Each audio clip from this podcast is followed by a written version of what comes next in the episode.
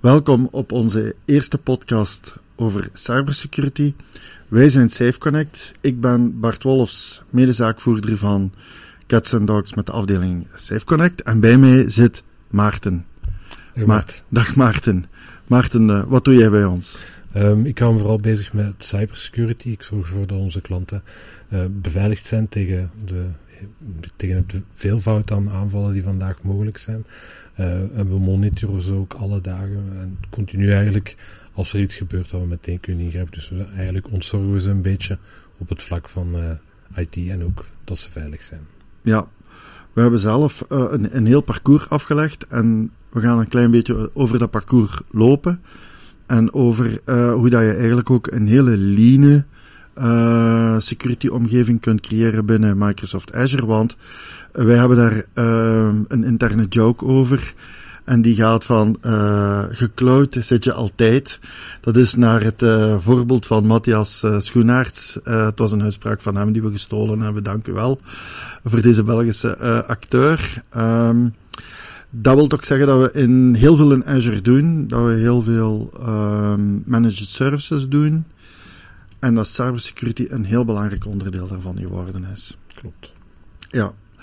Ehm, het is niet allemaal technologie, het gaat ook over eh, menselijk gedrag. Wij noemen dat dan human behavior. En als het een beetje fout loopt, noemen wij dat human error zelfs. Dus we gaan eens naar een video kijken dat, eh, dat daarover gaat. Maar misschien nog even zeggen dat eh, de mensen die ehm, nu aan het luisteren zijn, ook naar onze website kunnen gaan om naar beelden te kijken en naar eh, eh, meer, meer eh, grafische vormgeving over de dingen die we vertellen. Dus op safeconnect.com. About cybersecurity today and how safe people's passwords are. What is one of your online passwords currently? It is my dog's name and the year I graduated from high school. Oh, what kind of dog do you have? I have a Chihuahua Papillon, And what's its name? Jameson. Jameson. And where did you go to school? Um, I went to school back in Greensburg, Pennsylvania, What school? uh, Hempfield Area Senior High School, Oh, when did you graduate? in 2009. Oh, great. Ja, het, het filmpje is eigenlijk een, een, een hilarisch voorbeeld bijna van eh, ja, hoe hier iemand een paswoord verklapt. Maar het gaat dus altijd om hetzelfde bij phishing eh, en dat soort zaken. Ehm, dat is hoe dat je als mens om de tuin geleid kunt worden om uiteindelijk ja, toegang te geven tot het netwerk aan, aan, eh, aan hackers. Eh, we komen daar zelfs nog, nog op terug in een ander uh, stichtend voorbeeld. Maar de cijfers liegen niet. 70% van alle phishing attacks en, um, en, en van die dingen gebeuren eigenlijk altijd via de mens die, die de zwakste schakel blijft. Ja, dat klopt. We zien dat bij de allergrootste cyberaanvallen, zoals die van Uber en nog vele andere, dat het eigenlijk altijd, ofwel komt er een mailtje binnen, proberen ze via telefoon te verleiden om toch ergens je credentials te geven of zogezegd te veranderen. Ja. En het is daarvoor de bewustwording daar naartoe Mhm. die enorm belangrijk is en die die 70% zou kunnen verminderen. Um, en dat is iets wat we ook met de Security Awareness Training proberen te bereiken. Ja, ja, dus, dus enkele uh, weken voordat uh, deze video uh, is opgenomen, is er nog een spectaculaire ransomware-attack geweest bij MGM in Las Vegas, ja. waar dat 50% van alle hotels toe behoren en dus eigenlijk plat lagen. Het, het, de gokpaleizen lagen plat, er waar geen inkomstenschade was, liep over de 100 miljoen. Caesars Palace was ook gehackt. Alleen die hebben 15 miljoen dollar cash betaald aan uh, de ransomware groep. En die zijn gespaard gebleven, maar het is een enorme financiële schade, een imago-schade, wat daar opgelopen wordt. Mm, en ja, dat haalt nog wel eens de pers, maar die kleintjes die gehackt worden, uh, de kleinere bedrijven, uh, de KMO's, hier ook in Vlaanderen, in Nederland en, en zo verder, die halen de pers niet, want met het schaamrood op de wangen ga je dat dikwijls ook niet uh, aan de grote klok hangen natuurlijk. Nee, dat klopt. Als je bedrijf er nog is na zo'n uh, aanval. Want de schade kan enorm verrijken. Ja, in die mate dat er zelfs faillissementen op volgen, dat het gewoon uh, ja. te veel schade heeft toegebracht. Ja, inderdaad. Uh, dus wat veel mensen nog altijd denken is dat het overkomt mij niet. we zijn maar een klein bedrijf. dat is ook iets wat dat we kunnen weerleggen wanneer dat je toch een beetje begrijpt hoe het achter de schermen werkt. Want uh, bedrijven gelijk, bedrijven zeg ik al, betrap mijn eigen erop dat ik het een bedrijf noem. Lockbit, hè, dus een, je zou het ook een, een, een gangsterorganisatie kunnen noemen die eigenlijk staatsgesponsord is, want je kan met de software van Logbit, die je als een SaaS-model kunt gebruiken, kun je geen Russische sites meer hacken. Dat is wel een, uh, ja, een, een, een straffe vaststelling, dus dat uh, kunnen niet anders zeggen als het spaart, uh, het is een Russisch, het is in Rusland gealloceerd, uh, en het spaart de Russische uh, websites en overheden.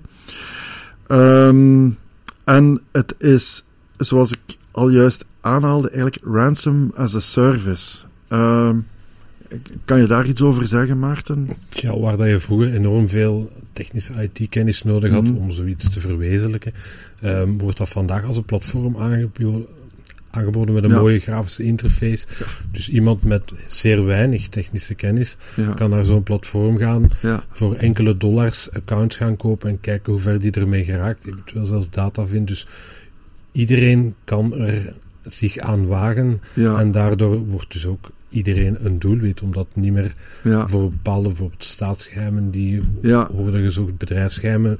Nu kan het voor, voor kleine vetes worden ingezet en zo wordt iedereen een doelwit, een mogelijk doelwit. Ja, waarom we in de podcast ook uh, Logbit aanhalen, is omdat ze al 50% van de marktshare over al die ransomware hebben een volledig ecosysteem gebouwd hebben, gelijk je het ook uh, daar juist al, al, eh, al uitlegde. Dus kleine hackers gaan op zoek naar kleine gaten, kunnen dat daar verkopen, traden. Ja. En uh, het bedrag kan dan fors oplopen, uh, waar dat zelfs Lockbit uh, de onderhandelingen doet. En uh, oh wee, als je I am boss uh, in, aan de, in je mailbox ziet verschijnen, want dan weet je dat onderhandelen geen zin heeft. Uh, maar dus het is een, een, hele operatie en die, die toont dus aan dat elke organisatie een slachtoffer kan zijn. Dus het is fout om te denken, ik ben niet interessant genoeg. Ja, klopt. En we zien dat ook in de cijfers die Microsoft ja. uh, ons geeft, dat, dat er effectief een stijging is met het aantal KMO's die effectief slachtoffer worden. Van, ja. Uh, ja. En met dank aan, aan, aan AI-tools gelijk uh, ChatGTP slagen die phishers en zo er ook in om zo professionele uh, ja, web, namaak websites uh, te bouwen, waar dat je als gewone gebruiker toch wel echt het onderscheid niet meer kunt zien. Dus ja. um, awareness training is hier toch wel echt op zijn plaats, denk ik. Absoluut, ja. Door al die tools maken ze geen schrijffouten meer, ja. waar vroeger wel eens uh, weggevertjes waren om zo'n mail te gaan herkennen. Nu zijn dat perfect, prachtig gedesignde e-mails, ja. niet te onderscheiden van mm -hmm. de echte. Dus je moet echt al weten waar je op moet letten uh, om die te kunnen detecteren en er uh, niet op in te gaan en slachtoffer ja. te worden van zo'n aanval. Ja, dus bij zo'n goede awareness training krijg je voorbeelden van, waar, voorbeelden van loop niet in deze val. Mm -hmm. plus er worden ook meestal uh, phishing uh, attacks gesimuleerd om te controleren hoe goed uh, dat, dat ja, de medewerkers van een bedrijf of van een organisatie, ja. uh, hoe goed dat ze daarmee kunnen omgaan en worden ze ook scherp gehouden. Hè. Klopt. Ja. dus ondanks uh, toch al die, die inspanningen die er zijn, komen wij als we audits doen ook geregeld nog servers tegen die meer dan 700 dagen niet geüpdate zijn. Hè. Dus onlangs nog een, een Exchange server, dus die heel de mailbehandeling doet, die dus een essentieel onderdeel is van een bedrijf. Die dus bijna meer dan twee jaar niet geüpdate is in software. Met andere woorden, de zero-day exploits die daarop staan, ja. zijn, zijn enorm met uh, als gevolg, ja, je kan, je kan het eigenlijk echt vergelijken met deuren die wagenwijd openstaan voor hackers. Hè. Ja, absoluut. En dat is eigenlijk ook nog maar eens een voorbeeld van uh, een van de voordelen van naar de cloud te verhuizen. Je moet je server zelf niet meer patchen. Ja. Het hele mailgebeuren zit dan daar. Dus maar inderdaad, als we zo'n dingen tegenkomen, dat is uh, een huis vol gaten. Ja. Uh, ja. Dat niet wenselijk, hè? zeker Absoluut niet. niet En inderdaad, de cloud helpt ons hier om, om lean, uh, lean IT te doen, waar dat dus de servers automatisch in de meest nieuwe versie zijn en dus uh, steeds up-to-date. Maar in 2018, ik weet niet of jij het je nog herinnert, Maarten, maar toen uh, hebben we een case ontdekt bij, uh, in Nederland, waar dat een bedrijf gewoon een server moest vervangen. Dat was de opdracht. En bij het vervangen van de server ontdekte dat bedrijf van hier zijn een aantal gaten in de beveiliging. Ze, hebben dat, ze hebben dat gemeld aan, aan de boardroom, aan de verantwoordelijke. En die hebben gezegd, ja, laat dat maar zo voorlopig. We gaan dat later wel oppakken. En een paar weken later waren ze gehackt, hebben ze dan toch de leverancier van de IT, die de server ook plaatste, uh, voor de Nederlandse rechtbank uh, van Amsterdam uh, getrokken. En die hebben dat verloren. Hè? Dus ondanks de warnings. En toen is er bij ons wel echt een uh, wake-up call gekomen van oké, okay, er rust eigenlijk wel een hele grote verantwoordelijkheid bij ons. We moeten klanten echt overtuigen om uh, security te doen. En als ze het niet doen, dan moeten we ons wel afvragen of we verder kunnen gaan. Dat is wel een belangrijke bedenking die er toen gekomen is. Um, waarop dat wij cybersecurity ook op het allerhoogste uh, niveau binnen onze organisatie geplaatst hebben. En gezegd hebben, dit wordt een pilaar. Uh, want vertrouwen van klanten, dat krijg je ook maar als je maakt dat hun uh, IT bijzonder goed beveiligd is. Um, het was ook het jaar waarin dat, of het jaar daarna was het jaar waarin dat Microsoft dan ook Sentinel geïntroduceerd heeft. Maarten, help ons eens even met wat is Sentinel?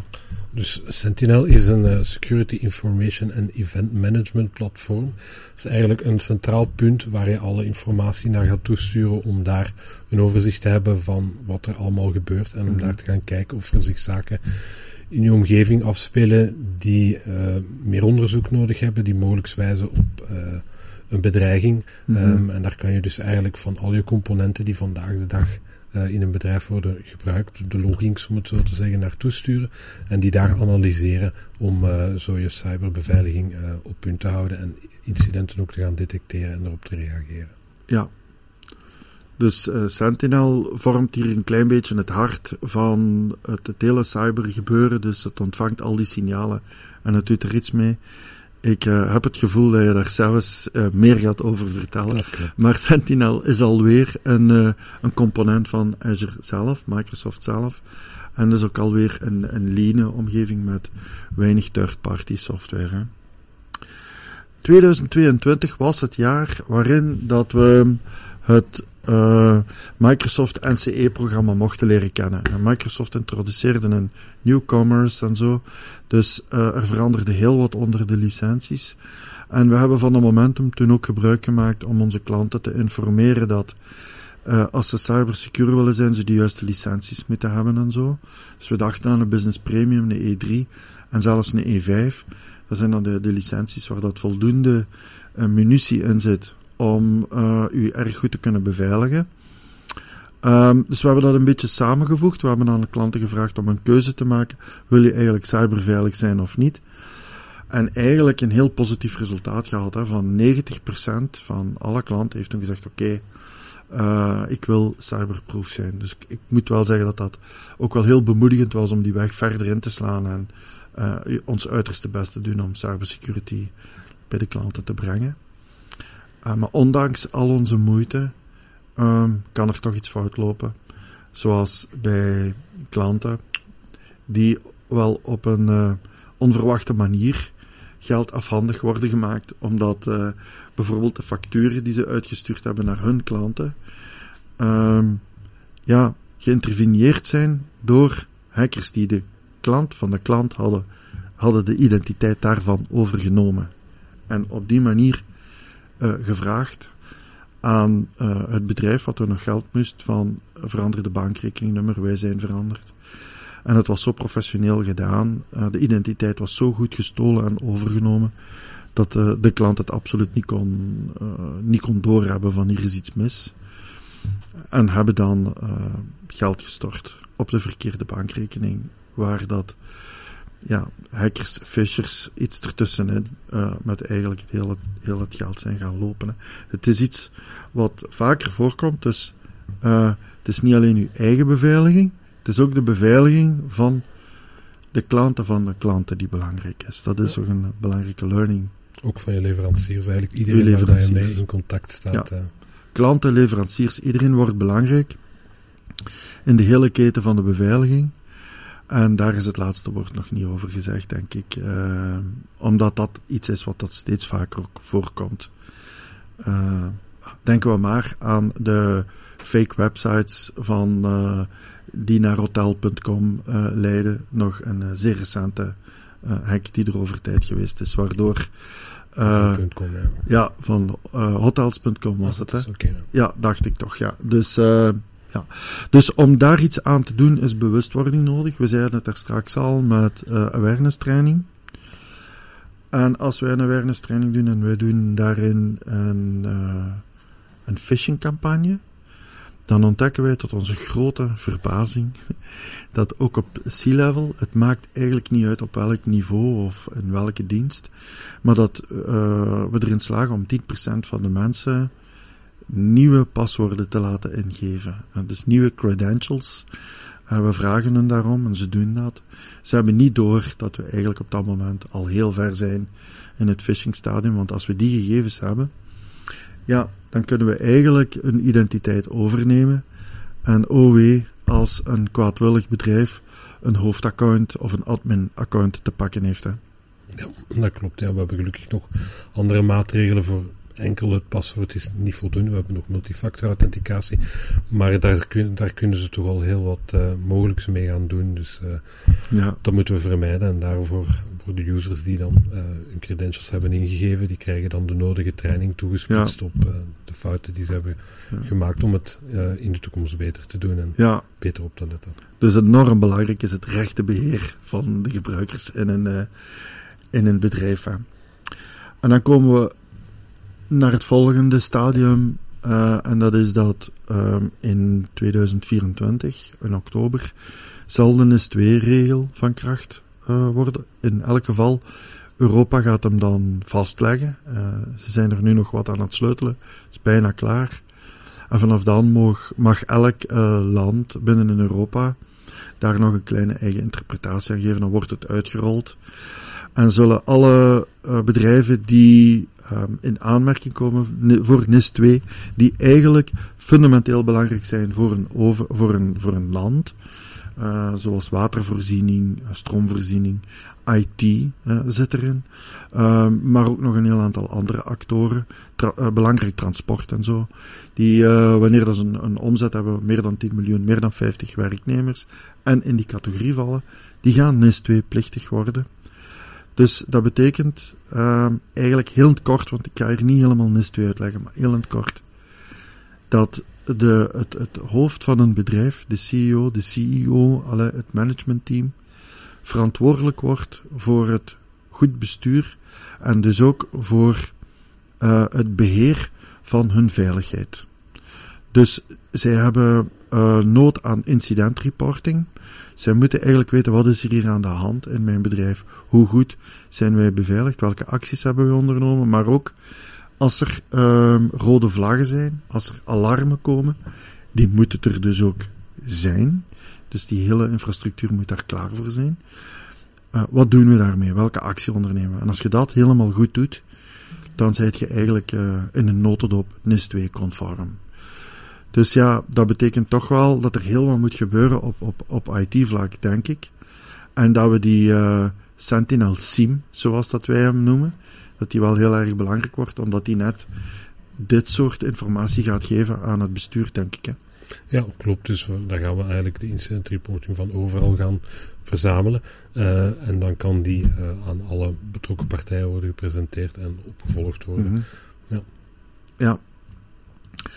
Dus uh, NIS 2, um, een verhaal dat nog niet helemaal uh, geschreven is, maar we zijn er allemaal volop mee bezig, want de tijd haalt ons in.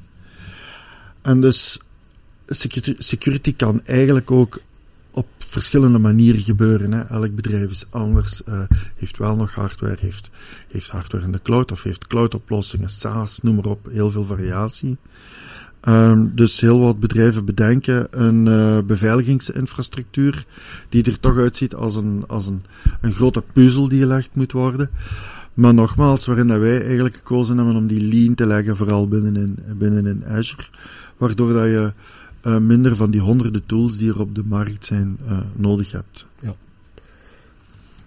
Ja, dat is, uh, zoals we al eerder hebben besproken, zijn mensen dus een hele belangrijke component in uh, uw cybersecurity posture. Uh, een andere is technologie, waar zoals gezegd wij focussen op Microsoft Azure en Microsoft 365. En belangrijk ook zijn de processen die je daar rond gaat koppelen. Ja. Van wat gaan we allemaal doen als er zich iets voordoet. Ook voor NIS 2 is dan een heel belangrijk dat die processen bestaan en goed gedocumenteerd zijn. Ja. Um, dan gaan we eens even kijken van ja, welke Microsoft producten gebruiken wij allemaal. Uh, de mensen die nu meekijken ja. uh, online kunnen dat eventjes zien. Dus dat we uh, zowel voor identity, endpoints, applicaties in de cloud of on-premises, zijn er allemaal componenten die de bescherming meestal onder de naam van Defender, die Mhm. bescherming op zich gaan nemen. en omdat wij onze klanten hoofdzakelijk in 365 en Azure hebben, Mhm. maken we natuurlijk ge gebruik van die componenten die daar voorhanden zijn. Nu, wat hier belangrijk is om op te merken, is natuurlijk het gewoon die licentie kopen. Volstaat natuurlijk niet. Dat vergt een fine-tuning van al die componenten. Ja. Uh, en dat is natuurlijk waar dat je beste met specialisten voor in zee gaat. Dan, wat is Microsoft Sentinel nu eigenlijk? Dus zoals eerder al gezegd, gaat dat allerlei data gaan verzamelen van uh, connectoren. Op die data wordt dan van alles uitgevoerd, daar wordt informatie aan toegevoegd, daar lopen uh, analyses op, queries, uh, om te gaan bepalen van wanneer is iets eigenlijk een bedreiging. In Sentinel kunnen we dan ook op incident het hele response daarop doen, welke acties gaan we daaraan koppelen. En een heel belangrijk verhaal is ook automation, dat ons gaat helpen om een massa incidenten te gaan verwerken. Uh, op een, uh, ja, voor ons toch nog aangename manier dat we niet uh, een hele hoop vals. Ja, voor de luisteraars misschien. Wij zijn wel echt ook gefocust op automation binnenin die ja, Azure natuurlijk. Ja, klopt. En daarover later meer op, op welke manieren voilà. dat we dat exact ja. inzetten om ja. ons werk lichter te maken. En. Dat het dus, uh, dus welke dataconnectors zijn er? Zoals al gezegd, alles van het Microsoft verhaal. Mm -hmm. Die connecteren natuurlijk op Sentinel. Sentinel is ook een cloud. Mhm. Mm -hmm. Dat wil zeggen dat je alles in de cloud hebt. Uh, die connectoren van uh, Microsoft en Azure, die zijn hoofdzakelijk gratis om te ingesteren. Dus dat is wel een heel belangrijk. Als je dan toch al op Microsoft zit, die erbij nemen. Dat kost je niks extra. Ga je naar uh, andere bronnen die je wil gaan toevoegen, heel wat third-party vendoren, kunnen ook uh, aangesloten worden met een koppeling op Sentinel. Daarvoor ga je dan natuurlijk wel, afhankelijk van de data die je gaat ingesteren, Ja. ga je moeten betalen. Dus ook on-premises omgevingen kunnen met connectors worden gekoppeld. Dat is, sorry dat ik je onderbreek, maar dat is misschien wel heel interessant wat je zegt, dat die data die geïngest, geïngesteerd wordt, die, um, die kost wel geld als die van externe bronnen komt. Ja, dus klopt. het is wel belangrijk om die data zo, ook die data zo lean mogelijk te houden. Ja, klopt. Daar kunnen filters worden Ja. op toegepast. En we moeten met de klant, zoals wat wij ook altijd doen, gaan, gaan, gaan afwegen van is het een toegevoegde waarde? Uh, want je kan in principe alles in Sentinel gaan steken, uh, op meerdere manieren zelfs vaak. Maar de vraag is altijd, is het een toegevoegde waarde? En hoe gaan we ervoor zorgen dat data ingestie geen data indigestie wordt? Ja, Want exact. Uh, ook de factuur gaat er dan gaat dan, niet lief gaat, uitzien. Ja, ja, ja. Um, nu, een van de redenen waarom gebruiken we exact Sentinel? Enerzijds omdat het zit in de Microsoft stack. Je had die gratis ingestie, maar er zijn ook wat heel wat componenten, zoals user en entity behavior analytics. Dat is eigenlijk iets dat voor gebruikers een profiel gaat opbouwen, waarin ze gaan kijken van, van waar logt die gebruiker gebruiker hoofdzakelijk aan, welke applicaties uh, gaat die bezoeken en zelfs wanneer werkt die. En zo je profiel opbouwen van kijk, dat is voor die gebruiker normaal gedrag. En dan weet hij eigenlijk ook wanneer is iets abnormaal gedrag of iets waar we naar moeten gaan kijken dat niet uh, in de normale lijn ligt. Mm -hmm. Dat ga je eigenlijk doen door uh, gewoon pure datalogging te gaan koppelen aan een gebruiker. En die gaat dat dan vergelijken enerzijds met gebruik, uh, gedrag dat de gebruiker in het verleden heeft gesteld, met uh, gelijkaardige mensen in de organisatie, zijn peers, en zelfs in heel de organisatie van komt dat gedrag voor. Die gaat er een locatie aan koppelen, allerlei externe uh, informatie aan toevoegen. Uh, en dan gaat hij daarvan de blast radius gaan bepalen van als deze gebruiker zou gecompromitteerd worden, uh, wat is de schade daarvan? Heeft hij Ja. adminrechten, veel grotere blast radius, Mhm. veel meer potentiële schade. Ja. En zo hebben we eigenlijk van ruwe data komen tot inzichten Mhm. ehm, die voor ons eh, het eh, makkelijker maken om eh, zo'n zaken allemaal te gaan analyseren. Een tweede is Fusion. Fusion gaat eigenlijk allerlei events gaan correleren. Eh, dus van een hele hoop data gaat hij zeggen van kijk, deze eh, zijn onder andere met die UABA van daarjuist. Gaat hij zeggen van dat is Mhm. iets om naar te kijken. Gaat dat dan met de kill chain probabiliteiten aan gaan Mhm. linken? Daar zitten heel wat AI Ja. en machine learning achter. Ja. En zo komen we eigenlijk van heel veel eh, logs naar echte incidenten die Ja. echt wel een hoge waarde hebben en waar we best naar kijken. Ja, een mooi voorbeeld hoe dat eh, machine learning hier al eh, ingrijpt Klopt, ja. in het ehm, beperken van het aantal incidenten in feite. Hè. Dus hij filtert al eh, of een incident, een rode vlaag is een oranje vlaag. Of, Ja, Ja. eigenlijk medium, high, low ja, eh, zijn eigenlijk de prioriteiten. En ook, eh, ook belangrijk om hier te zeggen is dat Microsoft dus continu alle, langs enerzijds de bad actors gaat volgen Mhm. van welke aanvallen zijn er en die ook dagdagelijks worden er meerdere detecties toegevoegd die door die machine learning gaan kunnen herkend worden. Eh, u vroeg eerder al naar welke automation wij allemaal toepassen. Ja. Ehm, dat is eigenlijk een, voor heel wat zaken. Enerzijds, ehm, bij veel incidenten ehm, is er een bepaald malicious IP, IP of een malicious bestand. Eh, vroeger zou een SOC-engineer dan een tweede tab openen, Mhm. naar een third-party website gaan om daar de reputatie van dat bestand of dat IP te gaan controleren. Dat hebben we geautomatiseerd, dat die informatie nu automatisch in het Sentinel incident wordt toegevoegd. Dus dat is al een voorbeeld van hoe automation eh, werk uitspaart. Eh, een tweede is om het aantal false positives te gaan eh, verminderen. Mhm. Als we bepaalde zaken op voorhand weten van kijk, dat gaat een incident triggeren, dan gaan we dat op voorhand excluden. Als die en die condities zijn voldaan, dan wordt het geen incident. Dus op die manier reduceren we het aantal false positives. We gebruiken die ook voor een notification. Bepaalde van onze klanten Ja. eh, vragen ook om op de hoogte gesteld te worden als er zich een eh, hoog security incident voordoet. Die krijgen dan automatisch een mail. Bepaalde personen worden Mhm. op de hoogte gesteld. Dat is ook een voorbeeld van hoe we automation inzetten eh, Ja. in combinatie met Sentinel. Ehm, zoals al gezegd hebben we veel klanten die allemaal die Sentinel eh, Ja. omgeving hebben. Mhm. Natuurlijk is dat niet zo heel praktisch, dus hebben we al die Sentinel omgeving eigenlijk gekoppeld aan onze eigen Sentinel. Heel belangrijk om hier te zeggen is dat die data van de klant bij de klant blijft. Die zit niet in onze omgeving. Ja. We hebben er gewoon een zicht op. Als wij bepaalde incidenten verder willen gaan onderzoeken, moeten we natuurlijk altijd toegang hebben tot de klant zijn omgeving. Maar de data Ja. blijft volledig gescheiden. Het is gewoon het overzicht, het bird's eye view die Ja. wij hebben vanuit onze Ja, Sentinel. dus je kan zeggen voor de alerting eh, werkt het op die manier. Om als eh, SOC te gaan eh, opereren, Ja. moet je wel natuurlijk toegang hebben tot het netwerk volledig. Om tuurlijk, dingen te gaan doen. Ja. Soms ook automated natuurlijk.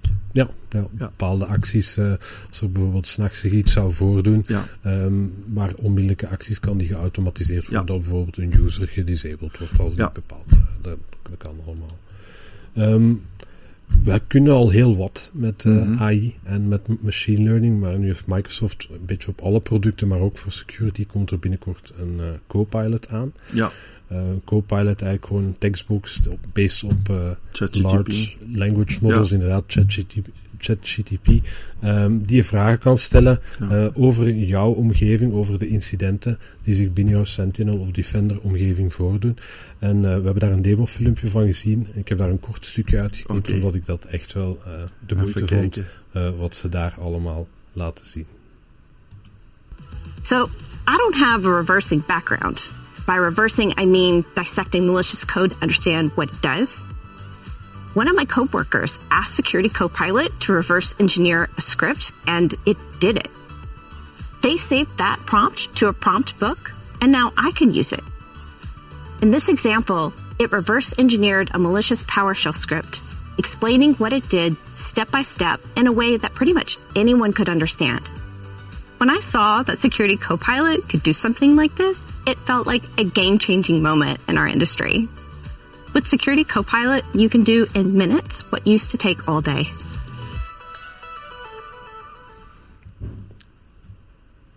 Ja, Ziet er dus heel, heel ja, belovend uit. ja, heel Eh, belovend, heel veelbelovend. We kunnen niet wachten om het te hebben, zou ik zeggen, want Klopt. het gaat ons eh, leven vergemakkelijken. En we gaan kunnen backtracken.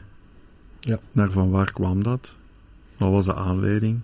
Inderdaad, en ook uh, in het kader van NIS 2 kunnen we aan Copilot vragen voor een bepaald incident dat zich heeft voorgedaan in een PowerPoint-presentatie samen te Ja. vatten, die door Ja. iedereen begrepen kan worden. En Ja. zo kunnen we ook eh, C-level, iedereen die een eh, stakeholder is, informeren over wat zich afspeelt. Ja. Eh, Hi- Hier gaan we even vlug over, maar eigenlijk vind ik het wel heel belangrijk dat stakeholders echt weten wat dat er gebeurt. En dat, dat is geen pure IT-zaak meer. Dat is een, een zaak van u te beveiligen en weten, ja, is mijn beveiliging in orde?